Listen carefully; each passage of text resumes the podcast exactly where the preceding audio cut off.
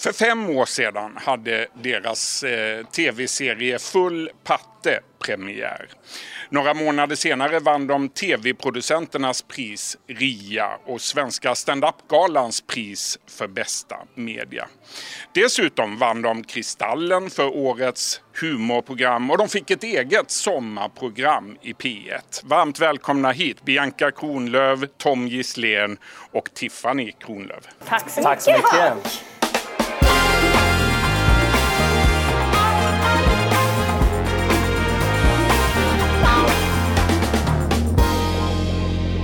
Vi ska börja med att backa tillbaka lite i tiden. Till skogen i Sorunda utanför Nynäshamn på 90-talet. Bianca, där växte du upp med eh, mamma, pappa, dina småsystrar Tiffany och Felicia, eller Leffe som hon också kallas. Hur skulle du beskriva din uppväxt? Eh, jag vet inte, det, alltså jag blir ganska glad bara när du säger det. Eh, så jag tänker att jag måste ha haft det väldigt roligt för att jag blir så här: åh, Tiffany och Felicia, alltså typ så. Men eh, grejen är att jag, när jag tänker på min barndom så tänker jag egentligen på att det var ganska mycket att vänta. Alltså vänta på att någon skulle ha fest, vänta på att något skulle hända, vänta på att någon skulle bli kär. För att det var liksom inte så mycket som hände helt enkelt. Och då blir man ju jävligt påhittig. Så jag och Tiffa har kollat på massa så här gamla videoinspelningar som egentligen är typ, det är mer syrat än vad Som vi har är. gjort själva, alltså Ja men filmer. precis. Ja. Ni började med Youtube innan Youtube fanns. Exakt, vi var så jävla före vår tid. eh, nej men så att eh, vi har typ egentligen hållit på, jag tänker liksom att det är det som gör att vi sitter här idag. På grund av att vi var jävligt uttråkade när vi var 13. Tiffany, håller du med om det där? Är det en korrekt beskrivning? Ja, det tycker jag. Eh, och också att det, var, det fanns liksom inte så mycket kultur. Men vi hade en, en musiklärare och en hemkunskapslärare som var väldigt så här, drivna och gjorde musikaler typ, som vi var med i. Och så, här. så det var ju typ där vi fick göra vår grej. Men annars så fick man liksom hitta på själva. Jag hade en eh, Spice Girls-grupp eh, tillsammans med mina kompisar och det enda stället som vi kunde uppträda var min kompis mammas jobb. Vilket var Torken i Nynäshamn. så, så där uppträdde vi med vår Spice Girls-grupp. Det var lite sådana grejer. Liksom. Du, Tiffany, Folk som har tappat kontakten med sina egna barn för de har supit så mycket fått ändå bli tvingade att kolla på dåliga meme-shower. Det är så jävla mycket straff liksom. Och bara fan jag vill bara ha en sup. Tiffany, jag läste en intervju med dig 2017 där du fick frågan vad hoppas du på av livet framöver? Och du svarade vi vill ju ta över världen så det är det vi siktar på. Är det målet fortfarande? Ja, på något sätt antar jag väl. Jag tänker att det är bra att ha liksom hög, höga mål så man ser hur långt man kommer. Ta över världen låter ju liksom kanske nu lite Lite som Erdogan. Ja, lite, lite så, vad ska man säga, auktoritärt. men, ja men det, jag säger ja för att inte göra mig själv besviken. Tom Gisslén då, eh, hur är det att jobba med systrarna Kronlöf och hur träffades ni? Ja, eh, det är fantastiskt. Ska jag säga. Nej, men det, vi träffades ju på eh, vårt gymnasium vi gick på. Vi gick på eh, så här, musikgymnasium. Eh, jag och Tiffany gick i samma klass. Bianca gick två år eh, över på teaterinriktning. Eh, så vi lär, lärde känna varandra redan då och eh, började göra musik eh, ja, strax efter gymnasiet kan man säga. Så vi har liksom jobbat ihop i eh, ja, väldans många år. Ja, Ehm. Nej men sen så, jag menar vi var ju även nära kompisar redan då. Så att eh, vi har ju på något sätt eh, liksom eh, vuxit in i varandra och sådär. sådär. Mm. Bianca, familjen Kaos kallar ni er. Varför då? Var, vem kom på namnet? Alltså det var faktiskt, alltså när jag och Tiffa och eh, eh, Leffe då flyttade hemifrån, eh, som ni märker vi, vi rör oss i grupp liksom, eh, så fick vi det som en skylt till våran eh, dörr, så här, här bor familjen Kaos. Så att vi har liksom haft det med oss eh, väldigt länge. Och sen eh, så blev vi så här, ja ah, men gud vad ska vi kalla oss? För att det är så dumt när det är så här, för att det är väldigt snabbt att det blir så här, ja men systrarna Kronlöf eller så här, ja men Bianca som gjorde, alltså du vet så här, och då bara nej vi behöver ett namn och då hade vi ju namnet på vår dörr. Är ni en bara, kaosfamilj? Eh, ja, alltså vi embracear kaoset. Eh, och sen så måste man liksom, om kaoset är här så måste man så här stånga sig igenom det. För att man måste så här fylla i blanketter, söka pengar, betala skatt och typ vakna på morgonen och typ ha struktur. Men sen i den ramen så är det väldigt öppet liksom. Ja, och när det kommer till så process och när vi skapar saker så är det ofta att det liksom, eh, det blir ganska ofta kaosigt sådär. eh, och det blir liksom, även om man försöker planera, ha god planering innan och liksom, ja men här, en månad innan premiär då ska det här och det här vara klart. Så står man där vid premiär och liksom, eh, det, är, ja, men det är massa saker som fortfarande är kvar att göra. Så, här, så att det är liksom alltid den där kaosiga eh, processen på något sätt. Och nästa fredag, då blir det kaos i Skarpnäcks kulturhus. Ni har släppt biljetter till en testföreställning och de sålde slut på en halvtimme. Vad ska ni hitta på? Ja, det här är ju då till och med så mycket kaos att det är fritt för oss liksom. För då är det, det är en work in progress föreställning. Så det vi har gjort är att vi har liksom tagit bort allting som vi redan har gjort. Så att vi ska inte ha med någonting från Full Patte, ingen musik som liksom har blivit en hit eller något sånt där. Utan bara visa skisser. För i våra program som vi har gjort tidigare, Full Patte byggde på att vi skickade ut frågor till publiken och så byggde vi programmet på det. Eh, men nu vill vi liksom ta in dem redan, men sen var det så, ja, men vi skickade ut de här frågorna och sen blev det liksom som en stängd process att vi liksom skrev och gjorde saker och sen visade upp. Men nu vill vi ta in dem redan innan. Eh, så att vi vill liksom se vad det här materialet som vi visar, vad vi kan ta vidare till vårt nästa sceniska verk. Så att eh, det kommer verkligen vara nytt. Tom, hur nervös är du? Nej, men jag tycker att det känns eh, kul och, och spännande snarare. Eh, Det är på något sätt som att eh, vi märker när vi är ute och spelar eh, saker som vi har skrivit på innan så här, att det händer ju någonting i publikmötet och att eh, det, processen fortsätter så att säga. Och att våra föreställningar tenderar alltid att utvecklas under spelperiodens gång. Liksom. Eh, Så på något sätt att ta in publiken direkt känns väldigt så här, det känns rätt. Publiken får vara med och bestämma på något sätt. Vi är väldigt bra på att skratta åt våra egna skämt. Eh, vi är verkligen den som skrattar åt sitt eget skämt. Eh, men det gör ju inte alltid publiken bara för att vi gör det. eh, och ibland är det något som vi bara “det här är så kul” och alla andra bara “va?” Vad snackar ni om? Så det är också nice att så här, när man jobbar med eh, live-konst, eh, hur den är, så är det ju liksom reaktionen man måste ju se så här, blir utfallet det vi tror att det är? Eller är det bara vi som har liksom hittat på att det här är kul eller spännande eller liksom så? Ja, och på ett sätt så, om Full Patte var ett, eh, en serie som var menat för internet så att säga, eh, då, eh, då var det logiskt att då var det logiskt på något sätt att ha kommunikationen med, med tittarna på internet. Medan nu när vi ska göra någonting för eh, liksom, eh, scenen, för livescenen, då är det logiskt att eh, göra det med publiken på en gång så att säga. verkligen. Och också det som vi gör är ju så här, eh, våra mobiltelefoner är ju fulla med så här, eh, man är packad på tunnelbanan och bara, nu fick jag feeling. Ja. Babylon, ditt ollon. typ. Eh, och sen visst, ibland blir det jättebra och ibland blir det jättedåligt. Eller man, man ser en film och kommer på en massa grejer och så här. Så vi har liksom tagit allas under typ det senaste året så här små idéer och bara vad kan vi utveckla? Vad är kul? Vad är bra på riktigt? Vad är bara så här, nej nu nu är, det, nu är det det där i högstadiepoesi, det där får du lämna hemma. Och sen jobbar vi liksom utifrån det. Ja men och det är det här jag tänker också som är så jävla bra eh, med att jobba i grupp. Alltså jag rekommenderar alla människor att göra det. Eh, för att det är också som att man ska vara så här: nu ska jag göra ett eget konstverk och så sitter man hemma och så ska det vara så jävla bra innan man visar upp det och så bara kolla här är mitt guld.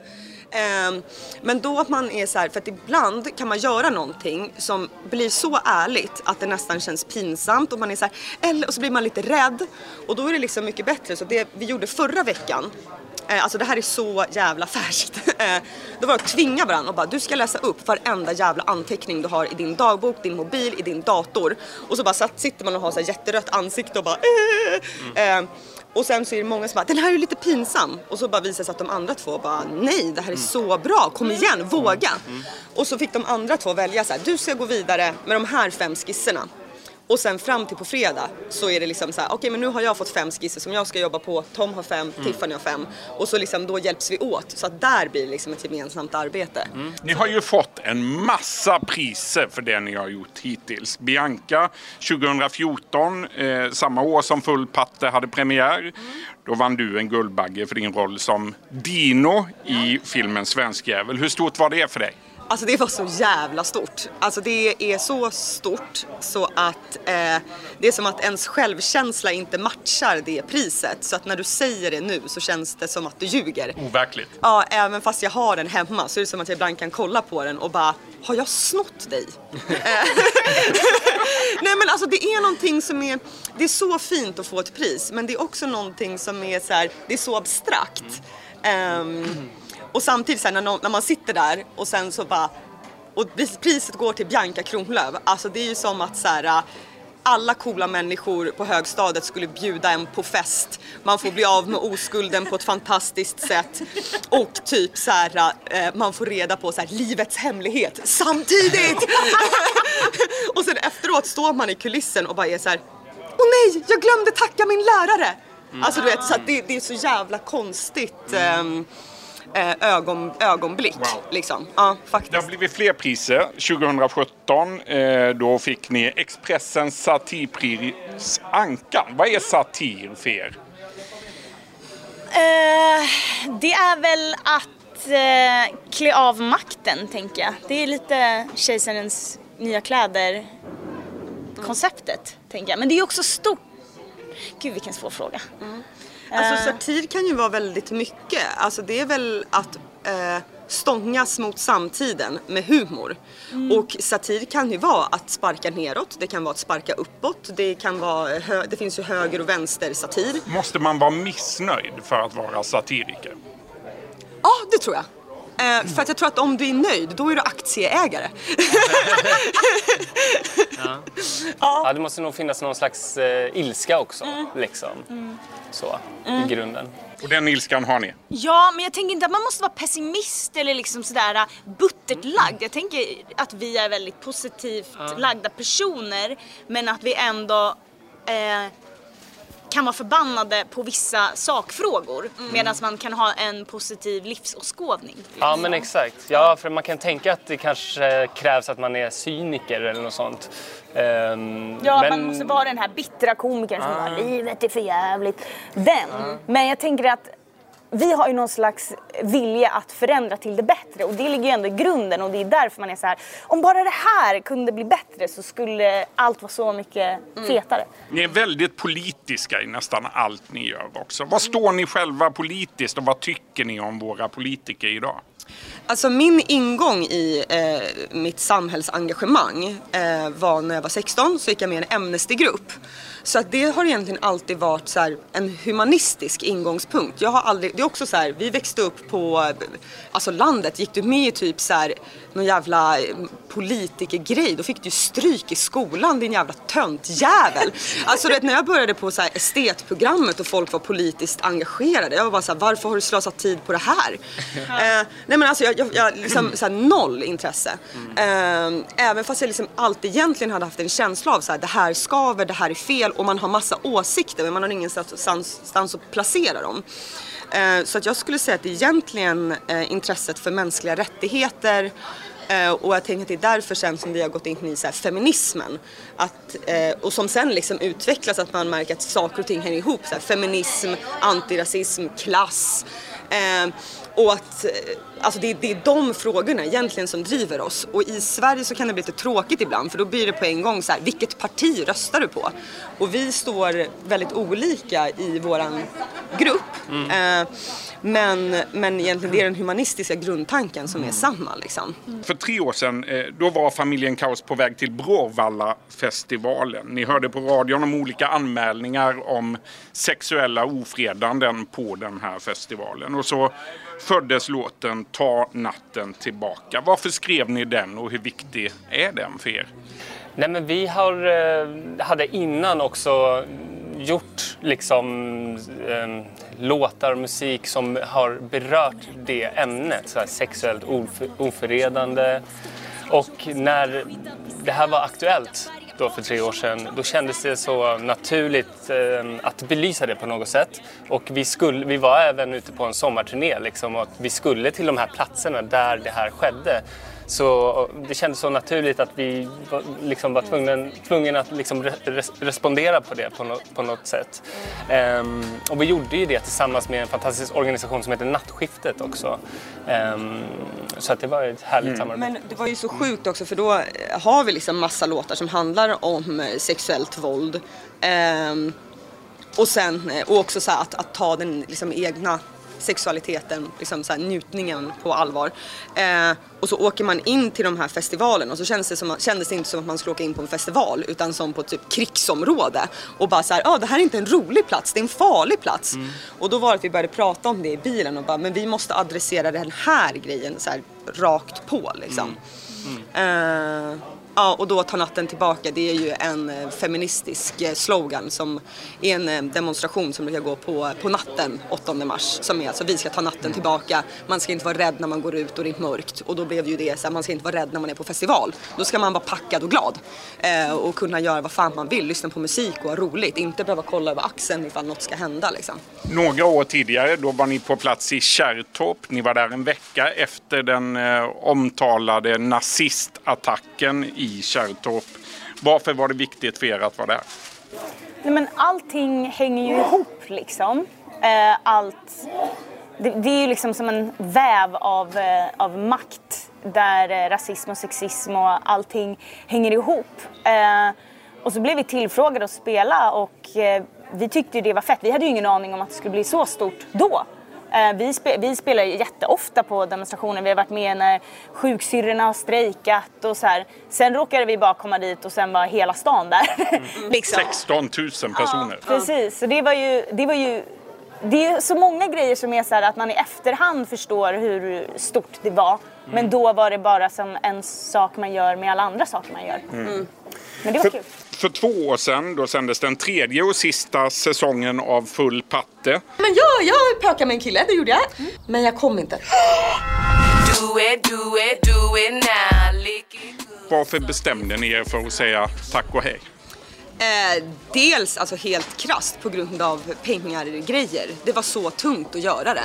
För, alltså, Ni fick för dåligt betalt helt enkelt? Eh, ja, så att det var liksom när man för tredje gången hör av sig till Ampetrén och frågar om hon kan vara med för 500 spänn. Eh, då, känns det lite så här. Ja, nej men det är liksom att jobba. Det var ett hjärteprojekt. Det var som en ventil för att få ut eh, saker som var extremt viktiga för oss att säga. Men till slut så blir det så här, men nu blir det blir för tungt liksom. Mm. Eh, och så blev det också så här, men okej, men nu vi har, vi har vunnit fantastiska priser då kanske det också är att man får bestämma själv när man ska sluta också. Så att ja. det inte blir så här hajen 1, 2, 3, 4, 5, 6, 7, alltså. Nej, utan... och, och, och, anledningen till att det blev så pass bra det var ju för att alla i produktionen liksom hade det som ett hjärteprojekt också mm. och alla gav verkligen 200 procent. Eh, och på något sätt så blir det då viktigare att kanske sluta på topp än att liksom så här, hela tiden urvattna det för att man kanske får brist på tid och andra saker händer så att säga. Mm. Så, um... Du fick ju också vitt skägg. Ja, jag fick vitt skägg under den perioden. Ja, det var sjukt. Det var sjukt. Ja, var liksom... Så nu har Tom fått tillbaka färgen i skägget, det är kul. Precis, jag har inte färgat det. Alla med vitt skägg där ute, det kan gå över. Eh. Till sist då, Bianca. I vår har tv-serien Tunn is premiär på TV4 och Simor. Om det är en pojke, då vill jag att han heter Karl. Håll käften nu, jag vill öppna det här. Jag är du klar, klar eller? Kör. Okej. Okay. Viktor, är det okej? Okay? Du har en av huvudrollerna som Säpo-agenten Liv. Eh, vad kan du berätta om henne? Är det här en drömroll? Ja, det här är faktiskt helt eh, fantastiskt. Det var ett sjukt äventyr att få göra och det är också som en, vad ska man säga, som en eh, omvänd prinsessroll. Alltså man har fått läsa sagor om kvinnor som typ ligger och sover i olika torn och blir räddade av sin kille. Men det här är tvärtom. Det är hon som åker ut i Grönlands vildmark för att rädda sin man.